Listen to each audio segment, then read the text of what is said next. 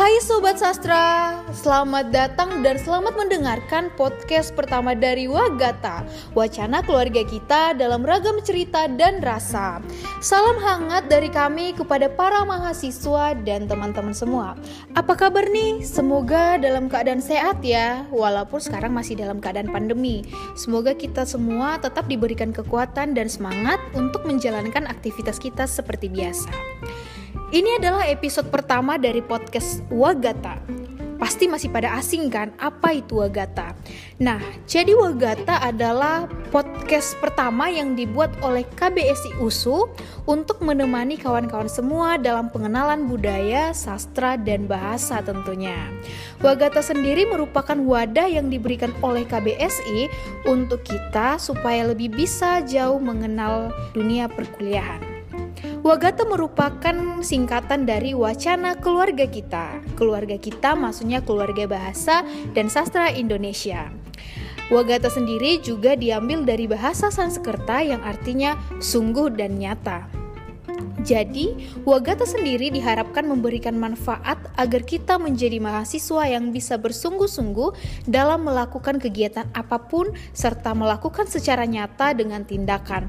Ya, bukan omongan saja tentunya ya kan, apalagi seorang mahasiswa yang dituntut untuk bukan sekedar hanya berbicara saja. Nah, sebelum ke topik, sepertinya nggak enak kalau kita nggak kenalan. Karena ada pepatah bilang, tak kenal maka tak sayang. Kalau sudah kenal, bolehlah bersayang-sayang. Oke, okay, sebelumnya perkenalkan nama saya Petra Primadita Sianturi sebagai host perdana pada podcast Wagata. Nah, teman-teman tadi kan udah tahu nih, Wagata itu adalah wacana keluarga kita. Jadi di podcast ini kita nanti akan mengobrol tentang uh, seputar kampus, uh, tentang seputar perkuliahan dan bahasa dan sastra. Dan podcast Wagata akan hadir dalam waktu dua minggu sekali. Nah untuk teman-teman yang mau tahu nih tentang seputar kampus, boleh nih follow Instagram Usut TV dan subscribe YouTube Usut TV Official.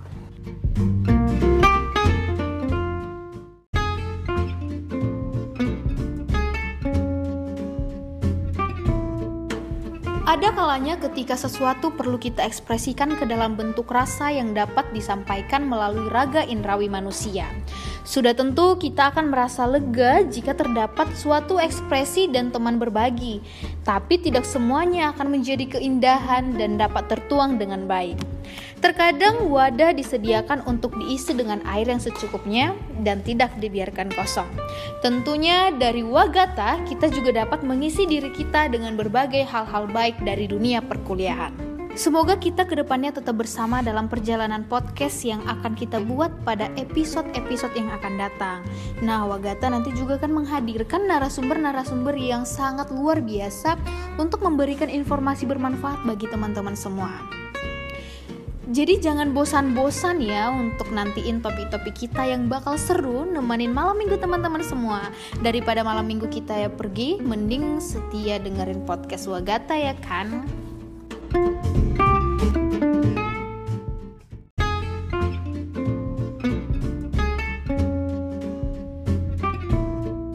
Tidak terasa ya, kita mengalami berbagai macam hal selama beberapa tahun belakangan. Kita yang menjadi seorang anak muda yang harus dipaksa dan dituntut untuk tetap di rumah aja dikarenakan pandemi. Pastinya rindu dong untuk menginjakan kaki di kampus USU dan berbaur dengan teman-teman KBSI. Namun, di balik itu semua, kita harus tetap menjaga kesehatan dan tetap patuhi protokol kesehatan. Jangan lupa ya teman-teman, Terus nih ya teman-teman, walaupun dalam keadaan pandemi sekarang nih ya, kita tuh nggak boleh malas-malasan gitu. Jadi kita tetap harus melakukan kegiatan-kegiatan yang bermanfaat. Jadi dengan adanya pandemi ini kita mencari jalan baru bagaimana melaksanakan tugas-tugas kita walaupun dalam keadaan pandemi. Jadi teman-teman semua bisa melakukan hal-hal yang lebih kreatif dan inovatif. Gimana nih kabar mahasiswa baru USU yang baru menjalani semester pertama? Terutama jurusan sastra Indonesia. Apa kabar adik-adik semua? Uh, walaupun kita melakukan kegiatan secara daring nih ya, semoga rasa kekeluargaan kita tetap solid ya. Terus buat kakak-kakak tingkat nih ya yang lagi pusing-pusing, ada yang lagi mikirin judul, ada yang masih bingung mau ambil objek masalah skripsi, ada juga nggak nih yang mikirin jodoh Hmm, semoga jangan sampai pusing tujuh keliling ya. Tetap semangat terus buat kakak-kakak.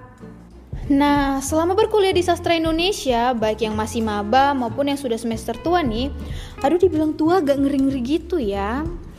Pastinya udah pada ngidolain toko sastra kan? Nah, teman-teman udah pada ngidolain toko sastra yang mana nih?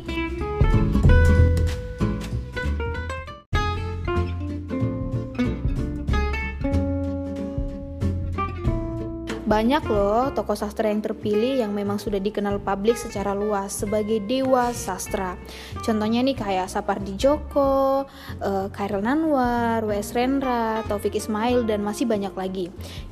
Gimana nih teman-teman dengan karya-karya para tokoh yang menjadi bapak sastra kita nih? Pasti menarik kan?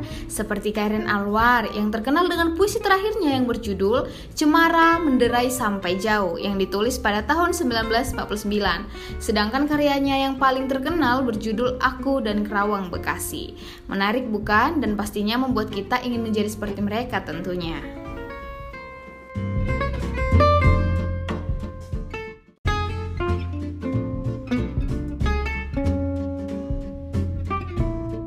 Gak terasa ya kita udah di penghujung waktu.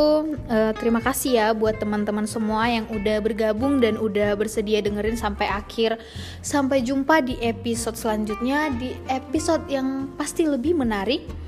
Uh, dan pasti lebih bermanfaat. Nah, sebelum menutup nih ya, aku mau ngasih pantun.